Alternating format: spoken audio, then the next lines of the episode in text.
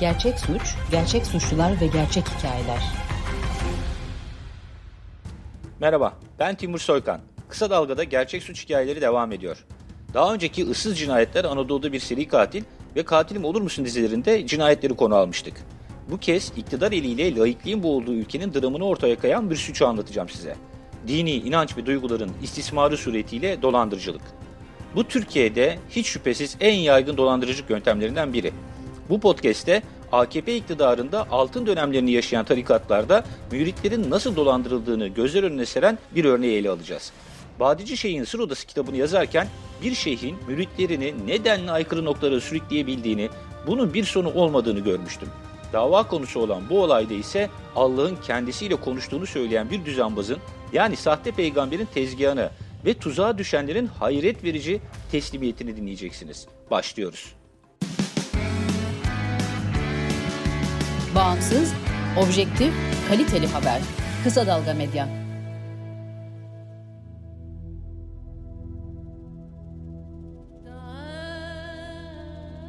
Önce şeyhi tanıyalım. Adı Şaban, soyadı Özdil. İzmit'te 1951 yılında doğmuş. Yani bugün 70 yaşında. İlkokul mezunu. Mesleği berberlik ama yaşadığı Kadıköy ve Karabaş mahallelerinde türlü dükkanlar açmış.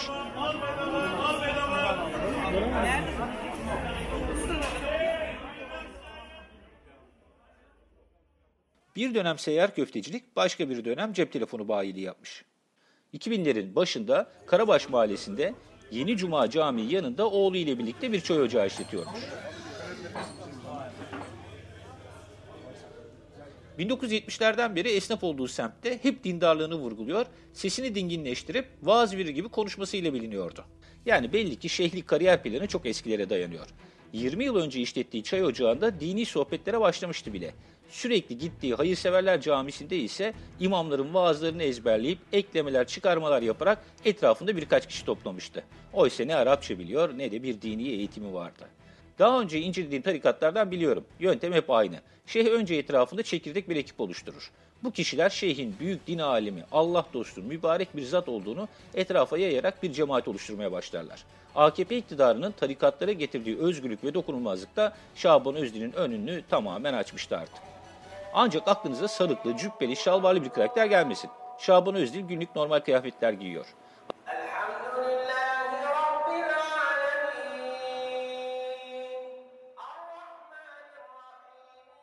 Hayırseverler Camisi'nde uzun zamanlar geçirip sabırla kendisine bir yer edinmişti Şaban Özdil. Saçları kısa kestiği sakalı bembeyaz adam cami içindeki çay ocağında cuma günleri müritleriyle sohbet ediyordu. Masa etrafında toplanan 10-15 kişi Şaban Özdil'in elini öpüyordu. Perşembe günleri ise sürekli Şaban Özdil'in yanında olan Yaşar Sarı'nın işlettiği fırının üst katında buluştuklarını çevredekiler bilirdi. Zamanla Muhit'in eski esnafının tarikatı kulaktan kulağa yayıldı. Berber Şaban'a müritlerinin Rafet Efendi dediği konuşuluyordu. Dedikodulara göre sohbetlerinde Allah ile konuştuğunu anlatıyor, kendisini görenlerin hacca gitmesine, namaz kılmasına bile gerek olmadığını söylüyordu. Hatta kendisini görmek isteyenlerden yüz görümlülüğü adı altında para aldığını duyanlar çok şaşırmıştı.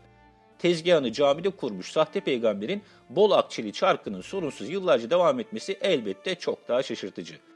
Biz 2019 yılında haberdar olduk onun tezgahından. Sahte peygamberin foyalarını ortaya çıkaracak olay ise 2018 yılına dayanıyor. Oradan devam edelim. Kocaeli Kartepe'de yaşayan 23 yaşındaki Şamil Tayyip K. Ee, K diyorum çünkü soyadını açık bir şekilde söylemiyorum. Sadece ilk harfini söylüyorum. Üniversiteyi 3. sınıfta bırakmış, hayatında boşluğa düşmüş bir gençti.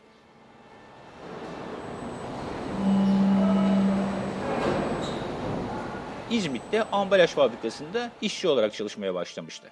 Aynı evde yaşadığı mütedeyyin bir ailesi vardı ve o da dindardı. Anne ve babası artık 23 yaşına gelmesine karşın hayatın kötülüklerine karşı savunması saf gördükleri çocukların üzerine titriyordu. Dar gelirli aile oğulları adına bir banka hesabı açmış ve onu evlendirebilmek için yıllardır zar zor para biriktirmişlerdi. Şamil de 2700 lira olan maaşını bu hesapta tutuyordu. Bu sırada Şamil, ambalaj fabrikasında güvenlik görevlisi olan 32 yaşındaki Ramazan Durmaz ile tanışmıştı. Ramazan Durmaz, sahte peygamberin çekirdek ekibindendi. Şaban Özdil'i taklit edip onun sözlerini ezberleyerek kitabını geliştirmiş, görevi tarikata yeni münitler kazandırmak olmuştu. Arapça sözlerle süslediği dini muhabbetlerin sonunda Şamil'i etkilemeyi başarmıştı. Hemen değil, bir süre sonra şeyhinden ufak ufak bahsetmeye başladı Şamil'e. Dünya malından elini eteğini çekmiş, yoksula yardım eden din aliminden bahsediyor, onu ulaşılmaz bir yere koyuyordu. Kur'an-ı Kerim'den ayetler okuyup Allah'ın Rafet Efendi'yi işaret ettiğini söylemesi için elbette bir zaman geçmesini beklemişti. Bir süre sonra ona şeyhin elinden tutup onu cennete götüreceğini vaat ediyordu. Ramazan Durmaz Şaban Özdil'den vaktin geldiği talimatını aldı ve Şamil'i sohbete davet etti. Ama bir şartı vardı. Şeyhi görmek için yüz görümlülüğü vermek zorundaydı. Maaşından 500 lirayı Ramazan Durmaz'a teslim ettikten sonra bir cuma günü Hayırseverler Camii'ndeki çay ocağına gittiler. Ak saçlı sakallı, şişkin göz torbaları morarmış adamın elini öptü ve 15 kişinin oturduğu masadaki yerini aldı Şamil.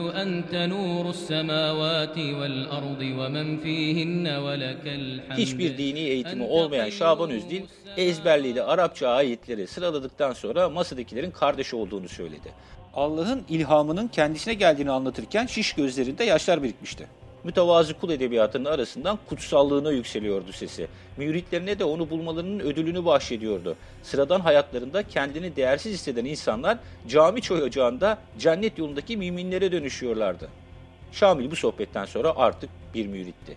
Şaban Özdil sohbetlerde faizin çok büyük günah olduğunu özellikle vurguluyor, cennet yolunun sadakadan geçtiğini anlatıyordu. Şamil ailesiyle banka hesabında biriktirdiği paradan rahatsızlık duymaya başlamıştı artık. Ramazan Durmaz ve Şamil Tayyip Kağan'ın sohbetlerinin içeriğini daha sonra dava dosyasına girecek WhatsApp yazışmalarından biliyoruz. Bu sohbet bize Türkiye'deki binlerce tarikattan bir tanesinin yöntemini okuma fırsatı veriyor. Ramazan Durmaz WhatsApp mesajlarında peygamber vasıflarının Rafet Efendi'de yani Şaban Özdi'de olduğunu Kur'an-ı Kerim'den ayetlerle uzun uzun anlatıyor. Onun için varis, Hızır, Allah dostu, mürşidi kamil diyor ustaca konuyu Şamil'in kendisini bu yolda ispatlamasına getiriyor. Sadakanın önemini vurgulayıp cennet yolunda müridin maddi hayattan vazgeçmesiyle ölçüleceğini söylüyor. Mesajların devamında Şamil'in ailesinden gelebilecek tepkiyi de hesaplıyor şeyhin tahsilatçısı. Banka hesabında ailesinin payını ayırıp kendi birikimini sadak olarak vermesini söylüyor. Gerçekten Allah akıl fikir versin. Aklın mantığın kalmadığı bir yer. Ramazan Durmaz tezgaha düşen müridi ailesinin zar zor biriktirdiği paranın günah olduğunu ikna ediyor. Dini öğreten öz babadır. Bu zamanın öz babası efendi yazıyor mesajında. Yani Rafet Efendi'nin öz babası olduğunu söylüyor ona. 20 Ocak 2019 saat 16.08'de Ramazan Durmaz tüm tarikatların ikna yöntemiyle Şamil'e teslimiyeti öğütlüyor. Rıza etmesen Müslüman, Hızır bulup eğilmeyen Müslümanda yoktur iman. İşte tarikat dolandırıcılığındaki kilit cümlelerden biri budur. Artık Şaban Özdil Hızır, ona tamamen boyun eğip biat etmesi gereken ise gariban Şamil'dir. Tarikat hakkında dosyalar incelemiş bir gazeteci olarak şunu söyleyebilirim. Bu noktadan sonra şeyhin müridini istismarı dipsiz bir kuyudur. Tarikatın liderinin her talimatını Allah'ın emri zannederler. Hatta tarikatların ana kuralı şudur. Mürit, mürşit yani şeyh karşısında imamın yıkadığı bir ölü gibi olacak. Şamil bu kıvama gelmişti artık. Ramazan Durmaz asıl konuya geliyordu. 25 Ocak 2019 saat 01.52'deki WhatsApp mesajında şöyle yazdı. Tövbe 35. ayet. O gün o altın ve gümüşlerin üstü cehennem ateşinde kızdırılacak da bunlarla alınları, yanları ve sırtları dağlanacak. Onlara işte bu kendi canınız için saklayıp biriktirdiğiniz şeydir. Haydi şimdi tadın bakalım bu biriktirdiğiniz şeyin tadını denilecek. Bir mesaj sonra Ramazan Durmaz Efendimiz ile beraberim yazmıştı. Yani Şaban Özdil'in yanında olduğunu söylemişti ve mesajların devamında onu yani tarikatın şeyini yüceltmeye devam etti. Ramazan Durmaz şöyle yazıyor. Müslümanların peygamberi ölmüş ama müminlerin peygamberi ölmedi. Sonrasında sohbetlerle hazırlanmış Şamil'e sordu. Onun nuru nerede? Allah'ın nurunu kastediyordu. Şamil cevap yazdı. Rafet Efendi de. WhatsApp mesajlarının devamında ayetler, gül emojileri arasında hemfikirdiler. Şaban Özdil yani Rafet Efendi müminlerin peygamberiydi. Allah'ın nuru onda yaşıyordu. Ramazan Durmaz ve yanındaki Rafet Efendi amaçladıkları noktaya gelmişti. Şamil Tayyip sadaka için ayırdığı parayı ertesi gün vereceğini yazdı. Ramazan Durmaz WhatsApp mesajında Hazreti Ebu Bekir bütün servetini Peygamber Efendimiz'e verdi yazmış. Devamında Şamil'den babasını ikna etmesini istemişti. Telefondaki sohbette Şami teyzesini tarikata katılmaya ikna etmeye çalıştığını ama onun inançlarına karşı olduğunu anlatıyordu.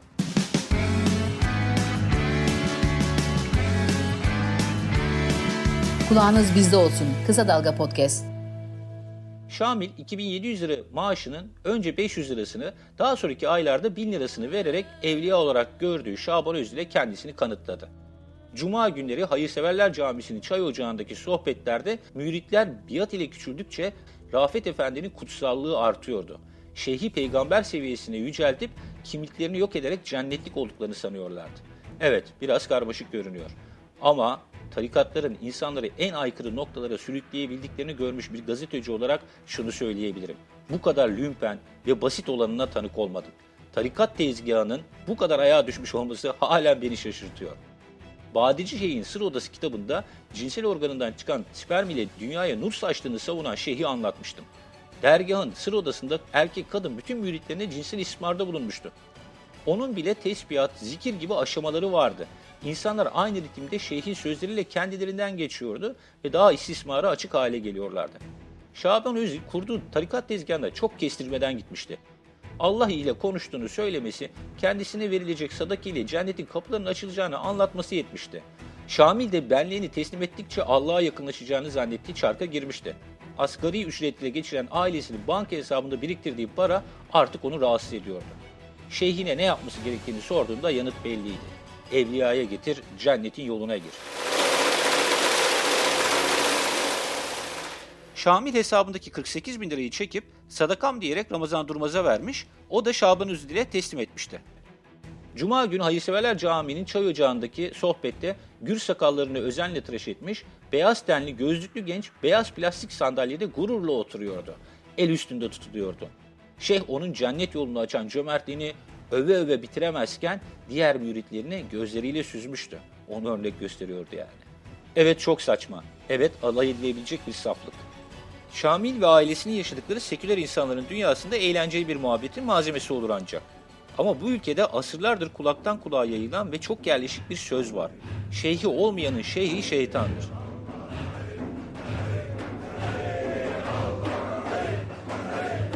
Değersizleştirilen, sömürülen hayatlarının çaresizliğinde insanlar cennetlik bir tarikat arayışına girerler. Şamil gibi binlerce genç var. Şamil'in işçi babası İsmail K ve ev kadını annesi Fatma K elbette oğullarındaki değişimi fark etmişti. Katıldığı dini sohbetleri anlatıyor, Rafet Efendi dediği şeyhten bahsederken ona biçtiği kutsallık gözlerinden okunuyordu. Anne ve babasını cennet yolu diyerek tarikata katmaya çalışmıştı. Teyzesine Rafet Efendi'nin doğrudan Allah'tan ilham aldığını, Hızır olduğunu söylemişti. Dini bütün olmasıyla övündüğü oğlunun hali tedirgin etmeye başlamıştı İsmail K'yı. Ve bir gün Şamil anne babasının karşısına geçip tarikatından ezberlediği cümlelerle konuştu. Maddi birikimlerinin ahirette yük hatta bedenlerini yakacak eziyet olduğunu söyledi. Allah'ın nurunu yüzünde gördüğü şeyhine bütün birikimlerini sadaka olarak bağışladığını anlattı. İşçi babası yıllardır alın teriyle kazanmıştı o parayı. Annesi 1 lira tasarruf etmek için semt pazarında tezgahları gezerek biriktirmişti. Mesele elbette sadece para değildi. Oğulları bir sahte peygamberin peşinde onları feda ediyordu. Şamil asıl babasının tarikatının şeyhi olduğunu anlatmaya başlamıştı artık. Ailesine Rafet Efendi'nin müridi olmalarını söylerken cennet vaat ediyordu. Ama evde yaşanan bir cehennemdi adeta. Bunları anlatırken tek bir kelime geliyor aklıma. Laiklik. Acaba Şamil'in annesi babası hiç düşündü mü laiklik üzerine? Türkiye Cumhuriyeti'nin temellerinden olan laikliğin onları, çocuklarını, hayatlarını koruduğunu biliyorlar mıydı? Belki de siyasal İslamcı siyasetin masallarıyla laiklikten nefret etmişlerdi. Ama laikliğin boğulduğu yerde onların kabusu başlıyordu. Artık oğullarını tanıyamıyorlardı. Küçük ve yoksul evlerin içinde adeta bir savaş yaşanıyordu. Baba İsmail K. sahte peygamberle görüşmek istemişti. Oğlunu bırakmasını, aldığı parayı da iade etmesini isteyecekti. Ancak Hayırseverler Camisi'ndeki buluşmaya şeyhin iki adamı Enes Şentürk ve Yaşar Durmaz geldi. Yaşar Durmaz sürekli ayetlerden bahsedip sadakanın önemini anlatıyor, Şabin Özdil'den Efendimiz diye bahsediyordu. Bu sırada İsmail K. görüşmeyi kaydetmişti. Şeyhin iki adamı onun sözlerini Şaban Özdil'e ileteceklerini söylemişlerdi. İsmail K. daha sonra telefonla Şaban Özdil ile konuşabildi. Yaptığını suç olduğunu söylediği adam ona Allah beni seçti, ben miraç yaptım, ben Hızır ile konuşuyorum diyordu. İsmail K. savcılığa gidip suç yürüsünde bulundu. Anne Fatma K. Cimer'e oğlunu kandıranlara dair şikayetini yazdı. Günler haftalar geçti, yanıt yoktu. İsmail K. oğlunun evden kopmasını da engellemeye çalışıyordu bu sırada. 2019 yılının başında müftülük vaizi Abdurrahman Özden'in yanına gitti. Şaban Özdil ile telefonda konuşmasını istedi. Amacı bu konuşmayı kaydedip oğlunu ikna etmekti. Bu görüşmede vaiz hocan kim, hocanız kim diye sormuş. Şaban Özdil Hızır aleyhisselam diye yanıt vermişti. Abdurrahman Özden ya bırakın bu işleri Allah aşkına biz bunları çok gördük dediğinde Şaban Özdil'in sesi öfkeliydi. Biz o gördüğün insanlara benzemeyiz. Bak baltayı taşa çarpıyorsun. Fazla ileri gidersen bizim intikamımızı sadece Hazreti Allah alır. Vaiz Şaban Özdil'in eğitimsizliğini vurgulamak istiyor. Aynı zamanda gerçekten kendini peygamber ilan edip etmediğini anlamaya çalışıyordu. Yani İmam-ı Azamlar, İmam-ı Şafiler, İmam-ı Gazaliler, Mevlana'lar sizin gittiğiniz yoldan mı gidiyordu diye sordu. Şaban Özdil yanıt verdi.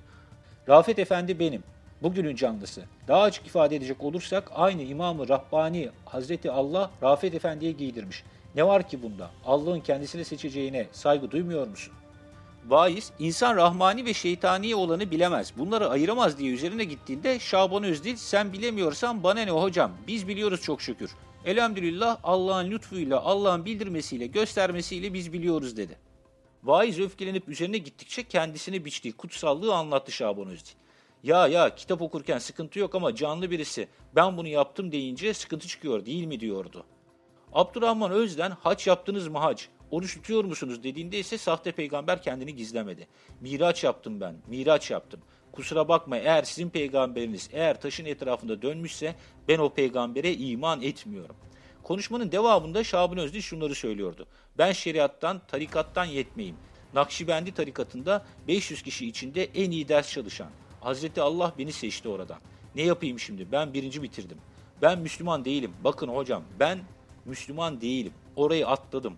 Ben ben müminim.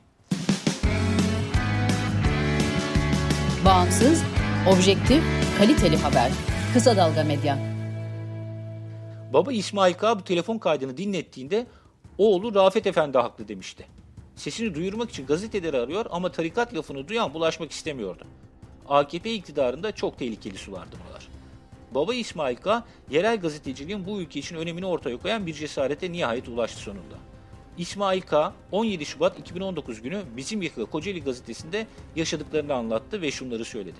Ben bunlarla konuştuğumda bu paralar nereye gidiyor diye sordum. Bu paralar bizler için önemli değildir. Şamil gibi paralarını veren, düğününde takılan tüm altınları getirip bırakan kardeşlerimiz var dediler. Oğlum halen her ay maaşını bu adamlara veriyor. Elinde avucunda ne varsa bunlara veriyor. Bunlar yüzünden oğlum evden kopacak. Kurtaramıyorum oğlumu bu adamların elinden. Suç duyurusunda bulundum diyordu. Onun açıklamalarının yayınlandığı gün bizim yaka Kocaeli gazetesine Şamil Tayyip K. Şaban Özil ile birlikte geldi. Yani yanında şeyh vardı. Yanlarında tarikattan başkaları da duruyordu.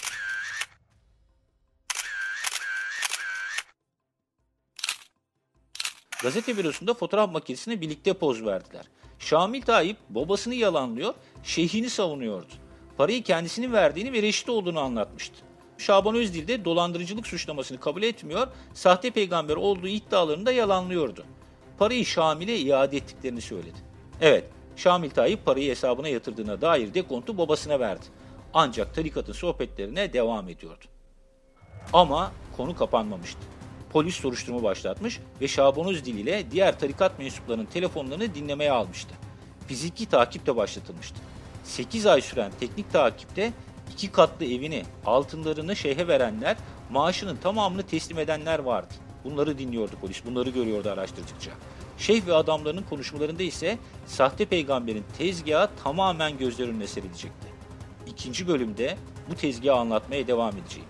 Hayretler içinde dinleyeceksiniz. Hoşçakalın.